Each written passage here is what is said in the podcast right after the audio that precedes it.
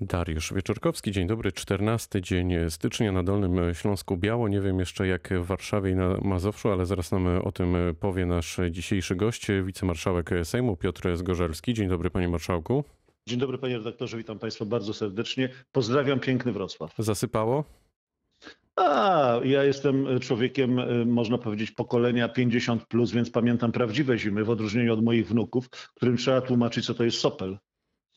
No to ma pan fajne zadanie, feria akurat, to może pan tłumaczyć e, wnukom. No, na, na Dolnym Śląsku dużo śniegu, także ostrzegamy naszych kierowców na bieżąco w naszych serwisach informacyjnych i przechodzimy, panie marszałku, do konkretu, bo mało czasu, a dużo spraw. E, o 11 ma dojść do spotkania prezydenta Andrzeja Dudy i premier, premiera Mateusza Morawieckiego w sprawie zawetowanej ustawy o działach. E, czy weto prezydenta w tej sprawie to jest nowe otwarcie prezydentury? Coś prezydent chce komuś powiedzieć? Co się mówi na sejmowych korytarzach? Z pewnością pan prezydent chce zaznaczyć swoją obecność w sposób dużo bardziej zdecydowany niż robił to do tej pory. Zapowiadał to podczas kampanii wyborczej, kiedy powoływał się na konstytucję kwietniową, twierdząc, że teraz będzie odpowiadał tylko przed Bogiem i historią. No oby tak nie było, dlatego że warto by było, żeby jeszcze także koncentrował się na opinii narodu a ten oczekuje od prezydenta, żeby będąc także zwierzchnikiem sił zbrojnych nie opowiadał banialuk, że boi się igły.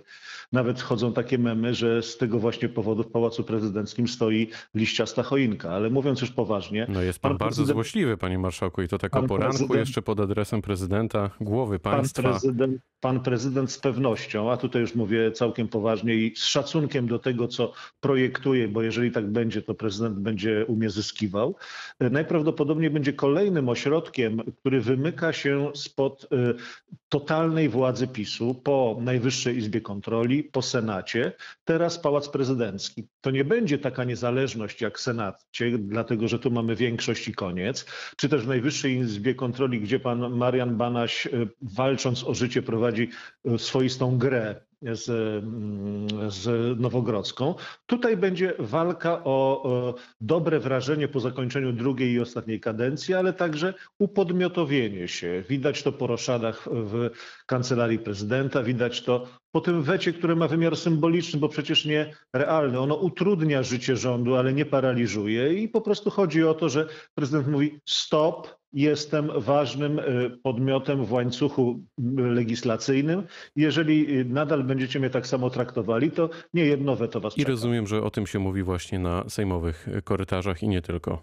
Sejmowe korytarze, panie redaktorze, są bardzo puste ze względu na pandemię i nie muszę posiłkować się szeptami korytarzy, żeby wyrobić sobie zdanie. No dobrze. Kiedy Polacy poznają nazwisko nowego Rzecznika Praw Obywatelskich i dlaczego właściwie PSL postawiło na profesora Roberta Gwiazdowskiego? Kiedy Polacy poznają nazwisko Rzecznika Praw Obywatelskich, to jest pytanie dla wróżki. A e, Za chwilę wróżenie... się połączymy z wróżką, panie marszałku. No to bardzo proszę zadać pytanie pani wróżce. Natomiast e, o Roberta Gwiazdowskiego pytanie jest odpowiedź bardzo prosta. Po dwóch okrążeniach, kiedy popieraliśmy panią mecenas Zuzannę Rudzińską-Blusz, doszliśmy do wniosku, podobnie jak już kiedyś powiedział Einstein, że powtarzanie tego samego w oczekiwaniu innego rezultatu jest głupotą. Zdecydowaliśmy się na krok otwierający przestrzeń dla kandydatur wyłanianych przez Wydziały Praw i Administracji wyższych uczelni. Taki list prezes PSL wysłał do wszystkich e, wydziałów prawa i tam odbyły się swoiste prawybory i jednym z takich kandydatów, który został wyłoniony przez jedną z wyższych warszawskich uczelni był pan profesor Robert Gwiazdowski. Dobrze, to tu się chwilę zatrzymajmy, bo Einstein e, był e, kozakiem, mówiąc kolokwialnie, ale zastanawiam się, czy takim kozakiem też jest Robert Gwiazdowski, który na przykład w jednym z wywiadów powiedział, że tu cytat ma wywalone na elity, co jeśli, to koniec cytatu, co jeśli zacznie mieć też e, wywalone, posługując się tą samą retoryką, na przykład na Polskie Stronnictwo Ludowe? No, ja nie akceptuję takiej retoryki w przestrzeni publicznej i nie ze wszystkimi opiniami, których y, tysiące wydał z siebie pan profesor się zgadzamy i nie, nie to było kryterium, bo te kryterium podałem wcześniej. Ja y, myślę, że pan y, Robert Gwiazdowski, jeżeli by został rzecznikiem, spośród całej trójki kandydatów ma niekwestionowany dorobek naukowy, który łączy z pracą w sektorze publicznym i prywatnym, broni przedsiębiorców. Jeżeli tak powiedział, to pewnie gdyby został rzecznikiem, musiałby utemperować swój temperament moment i y, złagodzić język, no ale przecież nie po to, by zostawał rzecznikiem praw obywatelskich, żeby być rzecznikiem elit, tylko rzecznikiem wszystkich obywateli. A działając na rzecz przedsiębiorców i przedsiębiorstw, to w istocie działa na wszystkich obywateli, bo i na pracodawców, i na pracowników.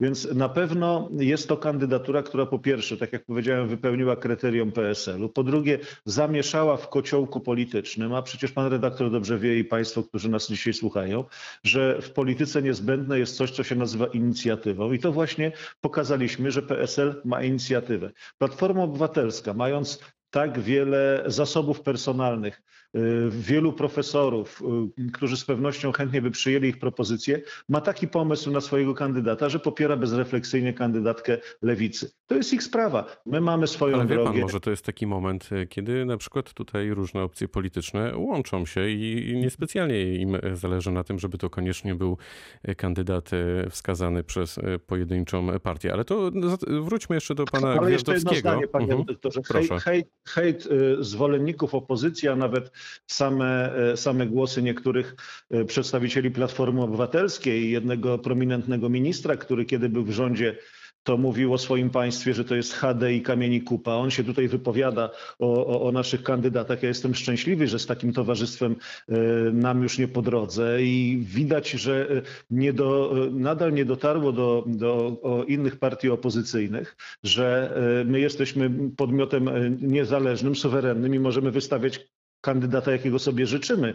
Pełna I zgoda, wara, wara, wara panom Sienkiewiczom od, y, i innym od y, krytykowania nas. No to Niech się, wróćmy, zajmie, niech się zajmie sw- swoimi sprawami. Wróćmy do pana profesora Gwiazdowskiego, bo powiedział pan tutaj o obywatelach, e, że Rzecznik Praw Obywatelskich, jak sama nazwa wskazuje, powinien być e, przede wszystkim takim reprezentantem e, obywateli. No i Robert Gwiazdowski stwierdził na swoim Twitterze, to nie było jakoś specjalnie super dawno, też tu cytat, że umowa o pracę powoduje patologię ciąży, dotkniętych jest nią kilka razy więcej mam na takich umowach niż tych na umowach zlecenia. Koniec e, cytatu. No przyzna pan, że to jest też... e, no ja nie jestem tutaj od oceniania na antenie, więc y, tylko e, cytuję, no ale raczej mocna e, opinia, nie, niecodzienna. Dwa, dwa, dwa aspekty. Pierwsze, nie zgadzam się na to, abym był y, obrońcą pana Gwiazdowskiego, bo na wstępie naszej y, rozmowy powiedziałem, że nie ze wszystkimi jego wypowiedziami się zgadzam. W większości y, tych, które wypowiedział i poglądami, ale także dorobkiem się zgadzam. A z tym się pan Natomiast zgadza? też, natomiast też nie jestem od egzegezy jego wypowiedzi. Jasne. naprawdę Ale z tym nie będę- cytatem się pan będę- zgadza, już kończąc nie, nie, wątek nie, cytatu? nie zgadzam się. Nie zgadzam się. Ja się nie zgadzam także z wieloma poglądami, które głoszą moi przyjaciele polityczni, bo w PSL-u, w odróżnieniu od innych partii, można się nie zgadzać. A zgadzał się pan na to, żeby rozstać się z Pawłem Kukizem?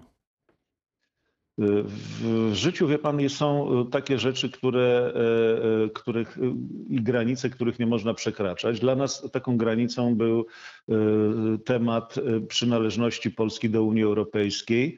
Y, To jest y, kategoria imponderabiliów. Tutaj y, po prostu powiedzieliśmy stop. Jeżeli y, Unia Europejska, która dla nas, dla ludowców jest naszą strefą bezpieczeństwa i rozwoju, polską racją stanu, gdzie ludowcy, tacy jak premier Waldemar Pawlak, który podpisywał akt akcesyjny, czy też Jarosław Kalinowski, który w Kopenhadze walczył o dopłaty dla rolników, to jest, to jest wkład ludowców w, to, że Polska jest w Unii Europejskiej. I słyszymy, że to jest drugi Związek Radziecki. I taka, można powiedzieć, dezynwoltura towarzysząca tym wypowiedziom, uznaliśmy, że to jest ten moment, kiedy trzeba powiedzieć dość. I po prostu życzymy wszystkiego dobrego naszym partnerom y, z, z Koalicji Polskiej. Jak widać, Koalicja Polska po tym odejściu rozkwitła, rozwija się. No macie nowe Co logo na tydzień- przykład. Co, co tydzień, no logo to jest powiedzmy z, z, znak zewnętrzny, ale co tydzień dochodzą kolejne podmioty.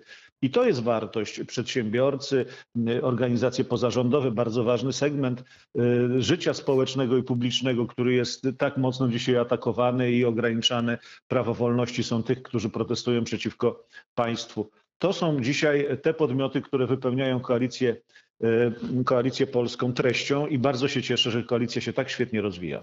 Jak, panie marszałku, wybrnąć z tej frustracji e, coraz większej liczby przedsiębiorców, którzy zapowiadają, że mimo obostrzeń, mimo trwającej nadal pandemii i tego, że kraje e, na zachodzie Europy, ale nie, nie tylko tam, podtrzymują restrykcje i będą się izolować jeszcze przez wiele tygodni, to w Polsce no, gdzieś widać jakąś frustrację, jakieś chyba przełamanie, można o czymś takim mówić i niektórzy decydują się e, po prostu otwierać swoje biznesy. Co by pan powiedział tutaj w tej sprawie jako marszałek? Y, zdecydowanie stoję po stronie przedsiębiorców, rozmawiam z nimi codziennie, słyszę w głosie desperację, dramatyczne decyzje zamykania firm, często rodzinnych, które tworzyli wraz ze swoimi pracownikami, którzy także czuli, czuli się i czują odpowiedzialni za te firmy. To wszystko, co dzisiaj się dzieje, otwieranie firm, to jest po prostu gest rozpaczy.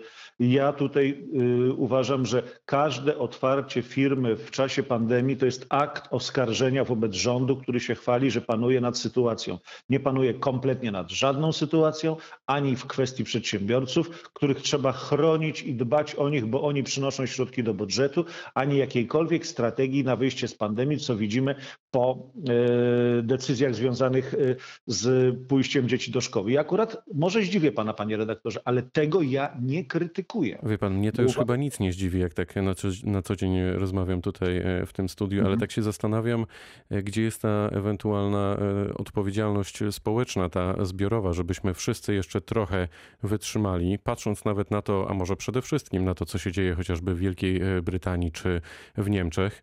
Mm, no i jednak mogli myśleć ciepło o świętach wielkanocnych albo o wakacjach, że już powoli to wszystko będzie wracać do normy. No z tego co wiem, decyzja o tym, że dzieciaki z klas 1-3 wracają do szkół była e, podyktowana e, ekspertami, to znaczy opiniami ekspertów, więc no tak.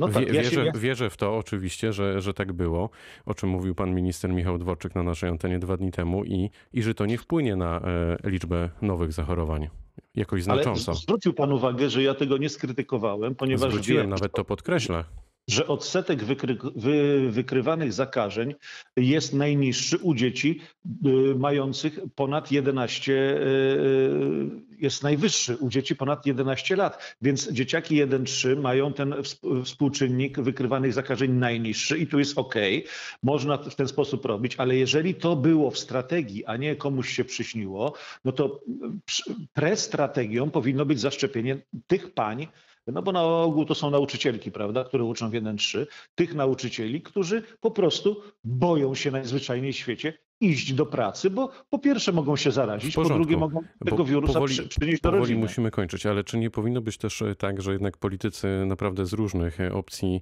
e, powinni się w tej sprawie porozumieć i jakoś jednym frontem, jednym zdaniem apelować na przykład do przedsiębiorców, żeby jeszcze chwilę wytrzymali, żebyśmy naprawdę wszyscy razem wyszli w pełni zdrowia z tej pandemii, a niekoniecznie takie no furtki robić? Naszą rozmowę rozpoczęliśmy od Einsteina, skończmy ją Cugowskim. Do, taj, do tanga trzeba dwojga. No pięknie, panie marszałku. I słowem, klucz tutaj jest, I słowem klucz jest zaufanie. Zaufajcie samorządowcom, zaufajcie e, farmaceutom, stomatologom, którzy są gotowi do pracy. Musimy Tylko kończyć. Trzeba po prostu do nich wyciągnąć rękę. Ja już sobie zanucę po zejściu e, z anteny.